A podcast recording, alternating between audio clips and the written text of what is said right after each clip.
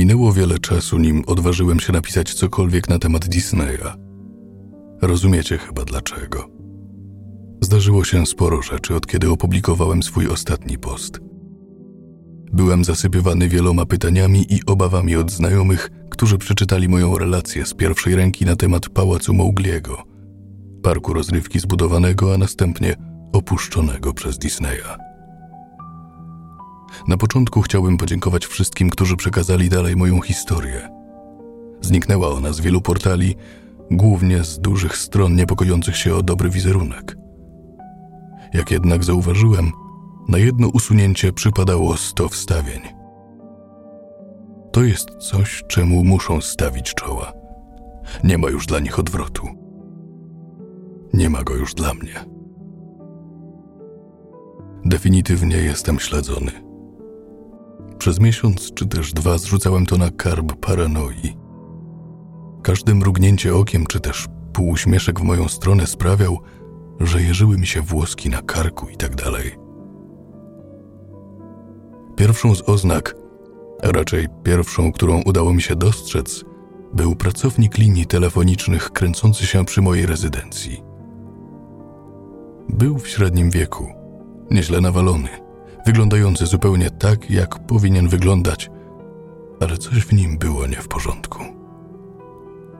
Nie miałem pojęcia o co chodzi, ale byłem pewien, że to nie był jedynie wytwór mojej wyobraźni.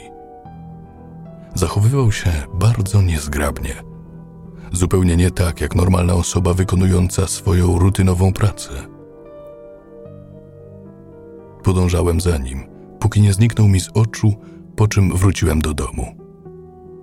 Oczywiście on już tam był. Stał jakoś dziesięć stóp za mną. A więc lubisz odwiedzać różne ciekawe miejsca, tak? Zapytał oskarżycielskim tonem i odszedł. Powiedzcie mi proszę, jakie świry tak robią? Zgaduję, że to najgorsza część. Kompletny brak poczucia bezpieczeństwa. Kompletny brak samotności. Zaczęło się od znalezienia małych, gumowych myszek Miki w skrzynce na listy. Potem znalazłem magazyn Disney Adventure na mojej półce z książkami. Wszędzie ukrywają małych Mikich. Trzy kółka, dwa małe i jedno duże w sylwetce sławnej głowy myszy. Zacząłem prowadzić listę myszy, które znalazłem. Kubki do kawy na moim stoliku – Jeden duży, dwa małe. Kolorowe butelki ustawione na progu, czerwone. Graffiti na ścianie koło mojego domu przedstawiające wielką ziemię i małe słońce i księżyc w odpowiednich miejscach. Są wszędzie. Najlepszy jak dotąd, jedyny przez którego zacząłem się śmiać, bo był naprawdę straszny, był rysunek narysowany kredą obok mojego samochodu – Zarys wydawał się idealnie dopasowany do, cóż, ofiary morderstwa. Z czym prawdopodobnie jesteście zaznajomieni, jeśli czytaliście resztę moich postów. Było tam napisane żółtą farbą? Tak, jestem prawie pewien. Schowaj się. Jedyną dobrą rzeczą, która z tego wyszła, jest świadomość, że nie jestem jedyną osobą, która widziała coś, czego nie powinna widzieć. Dostałem naprawdę wiele e-maili od ludzi, którzy również odkryli sekrety Disneya. Nie, nie będę podawać ich imion. Zaraz powinniście się przekonać dlaczego. Naukowiec chodzi do Disneylandu, kiedy tylko może, przez praktycznie cały rok. Nie zamierza się tam jednak bawić, cieszyć z jazdy na karuzeli czy tym podobne. On szuka gaskotek. Najwyraźniej istnieje jakaś ciekawa tradycja zgłaszania pojawienia się dziwnych postaci na terenie parku. Cisi, nieruchomi, wypatrujący czegoś ludzie w każdym wieku. Młodzi i starzy. Wszyscy w maskach gazowych z motywami bajek Disneya. Pracownicy parku dostają tony skarg dotyczących dziwnie ubranych ludzi. Ludzi, którzy dołączają do tłumu i niepostrzeżenie znikają. Czasami zdarza się, że ludzie wyciągają ciekawe wnioski z tych masek i zgłaszają prawdopodobnych terrorystów bądź zamachowców. Nie można także znaleźć podobnych przypadków zgłoszonych przez media, choć należy zdawać sobie sprawę z faktu, że Disney może jak nikt inny kontrolować prasę. Naukowiec idzie do parku, rozmawia z paroma osobami i stara się nie zwracać na siebie uwagi. Po prostu podchodzi do trzy, czteroosobowych rodzin i pyta, czy nie widzieli jego przyjaciela, który ubiera śmieszną maskę. Nigdy jeszcze nie widział gaskotki osobiście, choć raz, gdy przedzierał się przez tłumy, usłyszał krzyk dziecka. Mamo, ja też chcę taką maskę z Goofim. Mój znajomy, którego nazwę ratownikiem, pracował w akwaparku Disneya w latach 2001-2003. Stał na szczycie ogromnej zjeżdżalni wodnej i pilnował, aby dzieciaki nie były zbyt hałaśliwe. Przepuszczał je dalej, mówił w kółko, żeby zachowywały się bezpiecznie, trzymały ręce blisko ciała i tak dalej. Pewnego dnia jeden gruby dzieciak wjechał do tuby i nie wyjechał drugim końcem. Nie zauważając tego, przepuścił po nim dwoje, troje dzieci, więc to chyba oczywiste, że jeżeli gruby dzieciak utknął, to one też. Jednak tamte wyjechały. Tylko tamten grubas zniknął. Ratownik zatrzymał zjeżdżalnię, narażając się na zdenerwowanie czekających dzieci. Zanim jednak zdążył przeprowadzić jakąkolwiek z procedur Disneya, chlub Grubasek wreszcie wylazł. Pracownicy wyciągnęli dziecko z wody. Osunął się na ziemię. Jego skóra była lekko niebieska, a oczy szeroko otwarte. Cały czas powtarzał: Dzieci bez twarzy i przestańcie mnie ściskać. Dzieciakowi nic się nie stało, jeśli was to ciekawi został przewieziony do ośrodka medycznego. Gdy ratownik powiedział, aby otworzyć zjeżdżalnię, chłopak zrobił olbrzymią awanturę o to, jak bardzo nie był on bezpieczny podczas jazdy. Jednak, pomimo skarg pod groźbą zwolnienia, ratownik był zmuszony do otwarcia. Od tamtego momentu zaczął uważniej przyglądać się dzieciom.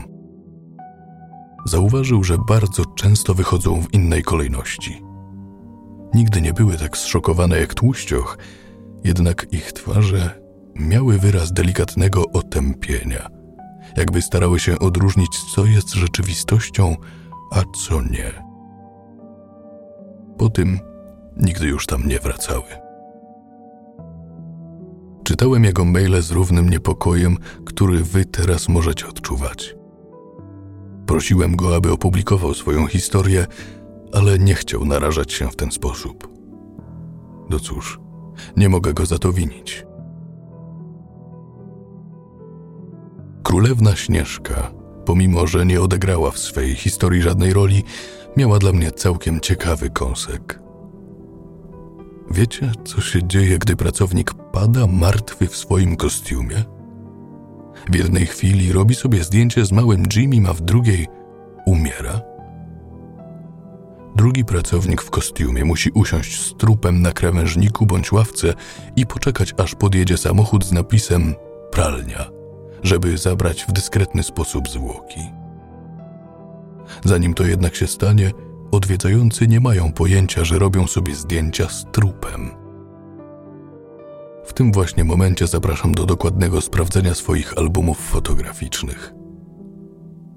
To było straszne ale inna osoba, z którą korespondowałem, dozorca, na szczęście miała dla mnie nieco mniej szokujące newsy. Disney World, lecz prawdopodobnie nie tylko, jest zbudowany z szeregów tuneli metra tuż pod Twoimi nogami.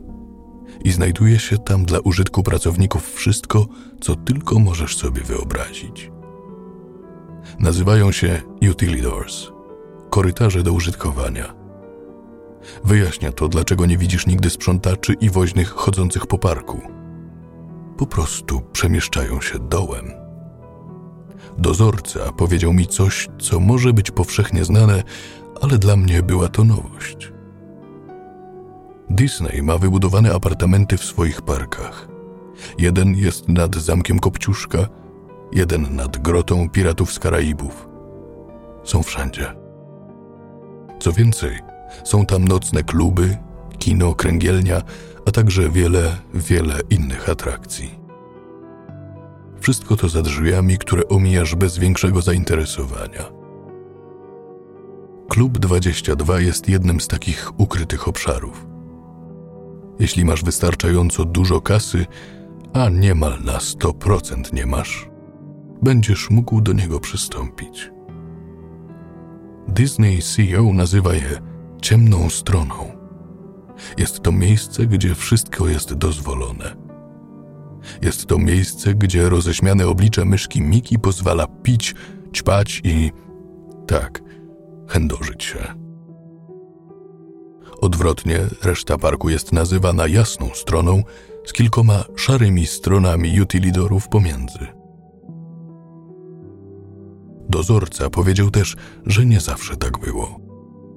Spadek norm społecznych tej elitarnej jednostki następował całkiem powoli. A skąd on to wie? Sprzątał tam. Teraz, zanim w waszych głowach na dłużej zagoszczą jakieś satanistyczne, ludzkie ofiary, nie. Dozorca nie znalazł tam nic w tym stylu. Puste butelki po alkoholu? Tak. Zużyte kondomy porozrzucane jak baloniki, z których spuszczano powietrze? Ta, to też. Czyścił to miejsce z krwi, moczu i wymiocin, ale to wszystko było jedynie oznakami nieograniczonego zachowania klientów, przeciwnego do zachowania jakiegokolwiek kultu. Przynajmniej tak to widzi z perspektywy czasu. Wszystkie te śmieci, które znalazł, palił później w kominie jednego z domków. Więc jeśli byłeś kiedykolwiek w Disney World, prawdopodobnie oddychałeś super skondensowanym grzechem. Przeciwieństwem jego historii była historia młota. Napisał on do mnie w tradycyjny sposób, choć nie mam pojęcia skąd miał mój adres. Przesłał mi kopię dokumentów potwierdzających jego zatrudnienie, a także instrukcję, aby je spalić, co z największą przyjemnością uczyniłem. Młot robił rozbiórki i przebudowy dookoła Disney Worldu. Kiedyś podszedł do swojego szefa zapytać o dziwne plany budowlane, które dostał. Był na nich odgrodzony prostokątny obszar o wielkości supermarketu. Nie miał on żadnej nazwy, a jedynie dwa słowa: nie kopać. Nie tylko jego przełożony był wybrany w ciemno, ale był on super kurwa wybrany w ciemno. Nie chciał o tym mówić, nie chciał o tym słyszeć i rozmowę zakończył to miejsce celowo pozostanie puste. Młot nie rozumiał tego. Wydawało mu się to marnowaniem przestrzeni i przeszkadzało w wykonaniu roboty, którą dano jego zespołowi. Zaczął grzebać dookoła tego miejsca po pracy, po czym znalazł jedynie zdewastowane drzwi i sporą połać betonu za nimi. To była warta supermarketu pusta, szara podłoga. Parę dni potem młot zaczął widywać gaskotki w tłumie. W przeciwieństwie do innych raportów, ci ludzie, te stworzenia, stały całkowicie spokojnie. Nie znikały niepostrzeżenie. Co więcej, były jak najbardziej na widoku, tak aby mógł je sobie dokładnie obejrzeć. Stały w grupkach w oddali lub były dociśnięte do ściany, gdy skręcał w róg ulicy. Napisał, że dziwnie się ruszały, tak jak łania zraniona przez myśliwego uciekająca ostatnimi resztkami sił. Maski gazowe. Młot zauważył, że były w środku mokre. Malutkie kropelki wody osadzały się na szybce tak, że niemożliwe było cokolwiek przez nią zobaczyć. Młot zaczął wypytywać o to ludzi, którzy pracowali u Disneya dekadę lub dłużej. Cały czas był w ślepym zaułku, dopóki nie pojechał do kobiety o imieniu Ida, która pracowała w restauracji na głównej ulicy. Była tam od chwili, gdy przestała pracować dla Disneya i choć nikt nie miał jaj, aby o to zapytać, wszyscy wiedzieli, że miała do opowiedzenia kilka naprawdę strasznych historii. Zapytał ją o puste miejsce oraz ludzi w maskach i na początku myślał, że znowu nie otrzyma zadowalającej odpowiedzi. Jednak ona była cicho. Niesamowicie cicho. Pokój zero. Wychrypiała łapiąc się za policzek, jakby była małą dziewczynką, bojącą się dostać karę od ojca. Przez całą rozmowę unikała jego spojrzenia. Pokój zero, jak się okazało, był jednym z ukrytych pokoi takich jak apartamenty Disneya czy Klub 22.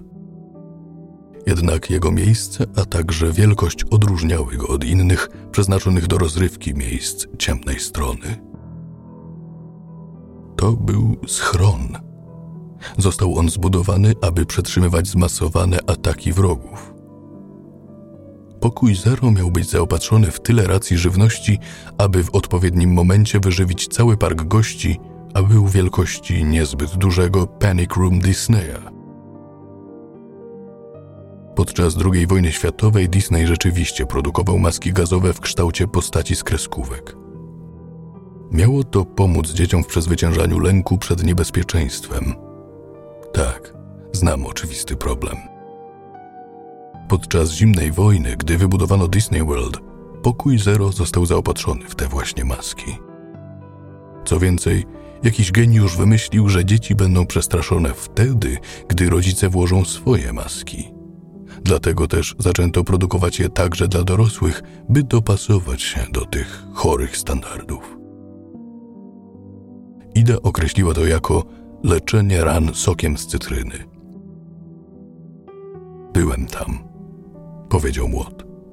Nie zostało tam nic oprócz cementowej podłogi. Nie, odparła Ida, tłumiąc szloch. Byłeś na nim. Ktoś lub coś wszczął alarm wtedy, gdy park był pełen. Ostrzeżenie było jasne. To miał być atak powietrzny. Ochrona sprowadziła wszystkich na dół do ogromnego schronu. Tam kazano im ubrać maski i kucnąć na czas ataku. Przez 30 minut panowała cisza, przecinana jedynie przerażonymi szeptami i płaczem dzieci. Nikt nie chciał umierać więc byli wdzięczni za te dziwne formy bezpieczeństwa. Wtedy rozległ się pierwszy krzyk. Ej! Krzyknął jakiś facet. Przestań mnie szczypać! Fala wrzasków i pisków przeszła przez tłum. Kto biega? Uspokój się! Krzyknął ktoś inny. Ktoś się śmieje? To nie jest śmieszne! Pomimo nalegań strażników, aby się uspokoić i zachować zimną krew, Tłum stawał się coraz bardziej niespokojny, aż w końcu, po prawie godzinie szaleństwa, światła zamigotały. To była ich śmierć. Grupa pracowników i wybranych klientów wyważyła drzwi schronu, ponieważ woleli zmierzyć się z wojną na górze niż z szaleństwem na dole. Tym, co zastali, był oczywiście nietknięty park rozrywki, w którym wciąż pobrzmiewała cicha muzyka. Po powrocie na schody do pokoju zero nigdzie nie było słychać śladu poprzednich walk. Tylko cisza. Ida zeszła po nich na dół, chcąc sprawdzić, co się stało. Sięgnęła klamki. Została tam tylko ona w ciemności i brzęczenie w jej uszach. Z ciemności wydobył się jeden głos. Przez echo nie mogła rozróżnić, czy osoba, do której należał, była daleko od niej, czy też tuż przy niej. Zamknij drzwi, kochanie. Wpuszczasz do środka zimno. Zdjęta przerażeniem zrobiła to i jak najszybciej uciekła. W ciągu paru dni cała sprawa, schronienie, schody, wszystko było pokryte na stopę cementem. Systemy powietrzne i generatory powyżej pułapu zostały usunięte, tworząc wielką, pustą przestrzeń. Oni wszyscy wciąż tam są. Powiedziała młotowi Ida, razem z tym czymś. Zapewne zauważyliście, że w przypadku Idy użyłem po prostu jej imienia. Niestety zmarła wkrótce po opowiedzeniu tejże historii. Przypadkowy upadek, podobno gdy wstawała z łóżka, by zgasić światło. Cóż za wspaniała firma, podała gazeta. Cała jej sypialnia była przyozdobiona myszkami Miki.